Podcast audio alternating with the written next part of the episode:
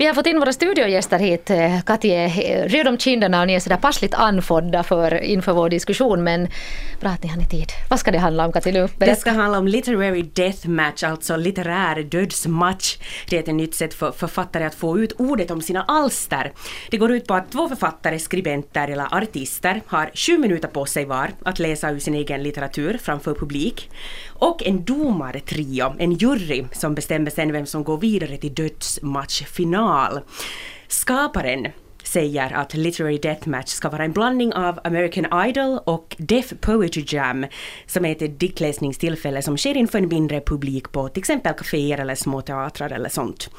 Uh, Todd Zuniga har skapat det här annorlunda och underhållande sättet att låta författare uppträda och han är här idag. Good morning Todd! Hello, how are you? Hello! Uh, you're the creative mind behind the literary deathmatch. How did you come up with this idea? Well, we, um, I'm, I'm a writer, a fiction writer, and uh, I wanted to figure out a way to make people care about literature and to have fun and show up to literary events, and uh, especially not just writers and not just uh, editors, but people who who care about literature but are busy and have normal jobs and live normal lives. Uh, so it was our way to uh, to bring everybody together and make them care about books in a fun way, and to also make it a little bit different and exciting for the writers. So they it, it wasn't just a normal reading. It was very important to us. Det var alltså ett, ett sätt att sammanföra um, folk från litteraturvärlden, inte bara författare utan också människor som tycker om att läsa, att göra det på ett humoristiskt sätt, att få dem att um, ja, göra reklam för mm. sina skriverier. Um, I'm wondering, um, in, uh, in, the, in an interview you said that your goal was to fuse together American Idol and Def Poetry Jam. Why? Well, my ultimate goal is to trick everybody into caring about literature because I feel like with the internet and television and all the different media we have now, it's about trying to get people to care about books and uh, I, I, guess my ultimate goal is to pop culturalize literature and to make it fun. And so, taking elements from American Idol and and bringing in judges and bringing in funny, smart, interesting people to comment on the work uh, is is wonderful. And the Def Poetry Jam angle is that we want people that are performative and exciting, and and uh, not everybody has to be a great performer, but uh, but there's just something special that comes out when people read at Literary Deathmatch, and it's just different and exciting for them and you know, some book readings in America, especially in New York, you know, you'll get 10 to 15 people, but uh, we usually get crowds of anywhere from 150 to 500. So that's really, really thrilling because it just it gives an energy and, a, and an excitement that uh, that books, I guess, I don't know, that people feel about books, but doesn't seem evident in a normal reading environment. Mm. Säger här alldeles i korthet att, att i den här världen av internet och, och TV så är det ganska svårt att konkurrera med, med litterära alster då och då.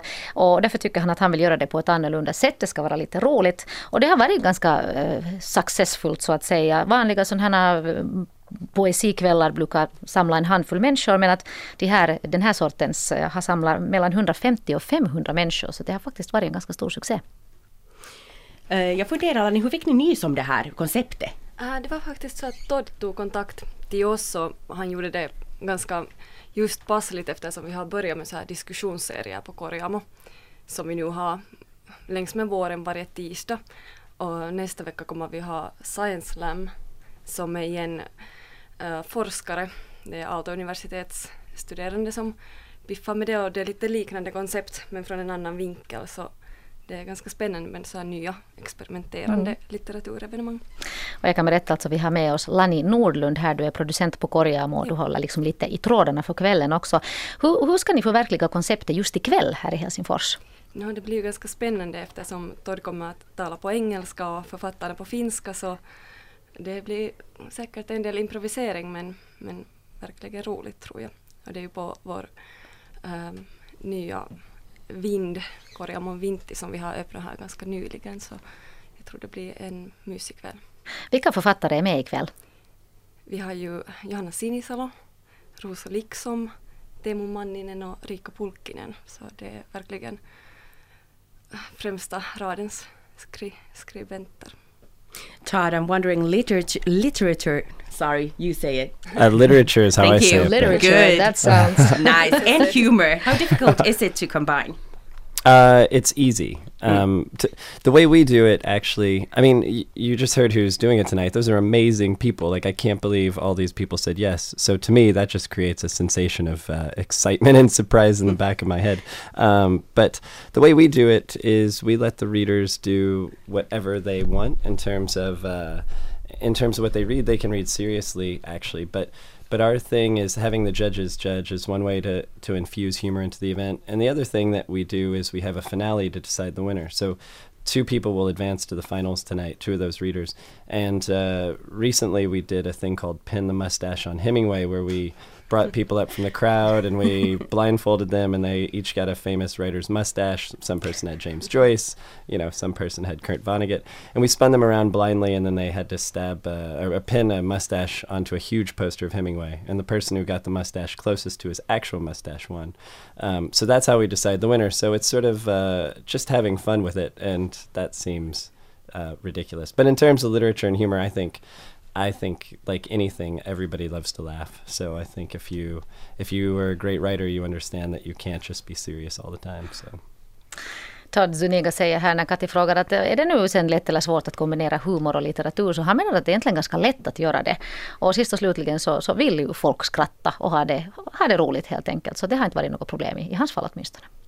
Uh, you've been around the world, around 41 countries, as you told us now. Finland. 41 cities. 41 cities, I'm Yeah. sorry. Uh, and you've been to cities like New York, London, and Beijing. Does the concept work everywhere? That's it's amazing, but yes, I mean, I, uh, I had dinner with a friend a couple years ago. Actually, I guess now we're now six years old, and I was talking about the different ways it's different in different cities, and he said he's like, what you do is you bring in this shell, and the culture actually fills it in. And when I when I learned that, that was a really interesting thing because um, different cities have different ways of doing things, and um, and you know usually we don't get this many famous writers to say yes. You know, usually we get one famous writer, and then the other ones are like, oh, "I'll do it next time." you know, but here, and then we have Jeffrey Eugenides as one of the judges who won a Pulitzer Prize in America.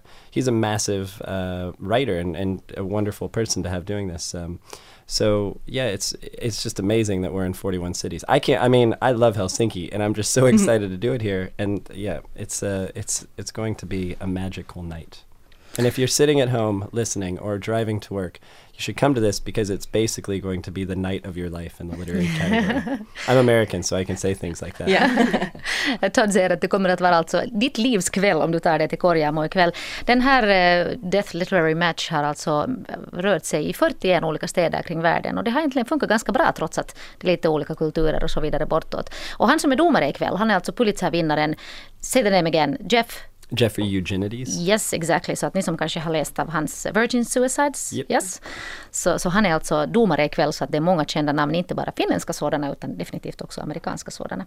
Jag tänkte Lani fråga dig igen, Lani Nordlund som alltså producent för, för ev- evenemanget här. Hur, hur för- förbereder sig författarna för den, den här, det här ganska nya spännande konceptet? Uh, no, Todd skickar ju lite sån här memo åt dem att vad de kan göra. Eh, men det är ju deras egna texter men att de har fått en liten brief men visserligen finns det lite av en sån här överrasknings spänningsmoment för oss alla. Todd har inte heller um, avslöjat allt åt oss så vi väntar med spänning vad som händer. Så de måste ha lite så skådespelartalang och humortalang med också de här författarna eller? Ja, humor definitivt hjälper. Humor definitivt är bra att ha. Det här, um, Todd, could you tell us about the most un- unforgettable death match? Ah, wow, there's so many that are unforgettable. I can't remember one at the moment. No, I'm kidding. Uh, you know, we just did, well, I don't think I'm going to tell that story. That story is well, insane. please do. Okay, I'll tell this story. So this um, we did it at the Texas Book Festival in a beautiful theater. There were 500 people there, and there was a children's book author that wrote a book called "The Dinosaur versus the Potty." So it was all about a dinosaur trying not to use the bathroom. Um, so so in this 500 people there were a lot of kids because they were excited to see this guy. But the first reader came out and he's a Mark Haskell Smith an incredible writer. But he read a story this is where it gets a little grim, but about a man who is raping a woman, and then the woman turns the tables, and then she rapes man. And anyway, they shoot each other at the end.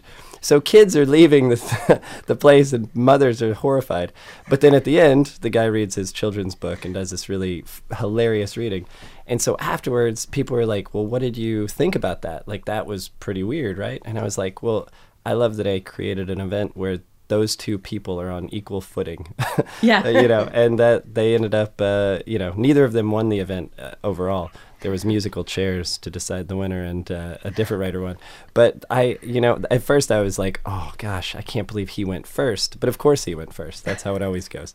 Uh, I'm the the guy reading about the rape scene. But uh, but it was it was a great great thing, but also very strange. I wish I could have come up with a crazier, less crazy story simultaneously. but that one is quite memorable to me. Jag ska i korthet försöka berätta här vad Todd, Todd frågade, en av de här eh, verkligt vad ska man säga, speciella, eh, speciella stunderna inom den här grejen. Så det var alltså en bokfestival i Texas och det var en barnboksförfattare som kom för att berätta om en dinosaurie, som en pottränande dinosaurie typ. Men före det så var det en annan författare som, som då eh, läste upp en sån här våldtäktsscen. Eh, och där var då flera hundra barn på plats och mammornas hår reste sig i taket och de tänkte att herregud vad ska det bli av det här. Men slutet gott, allting gott och det blev en, en ganska bra mishmash av det hela trots allt. Tack så mycket. Tack så mycket. Thank you very much, uh, Todd Zuniga, for visiting us this morning. Thank and you. very much uh, good luck for tonight's event. Och likaså Lani Nordlund. Ni ska ha en riktigt trevlig, trevlig kväll på Korjamo. Och ni som är intresserade ska alltså ta er till Korjamo idag klockan 20.00, eller hur?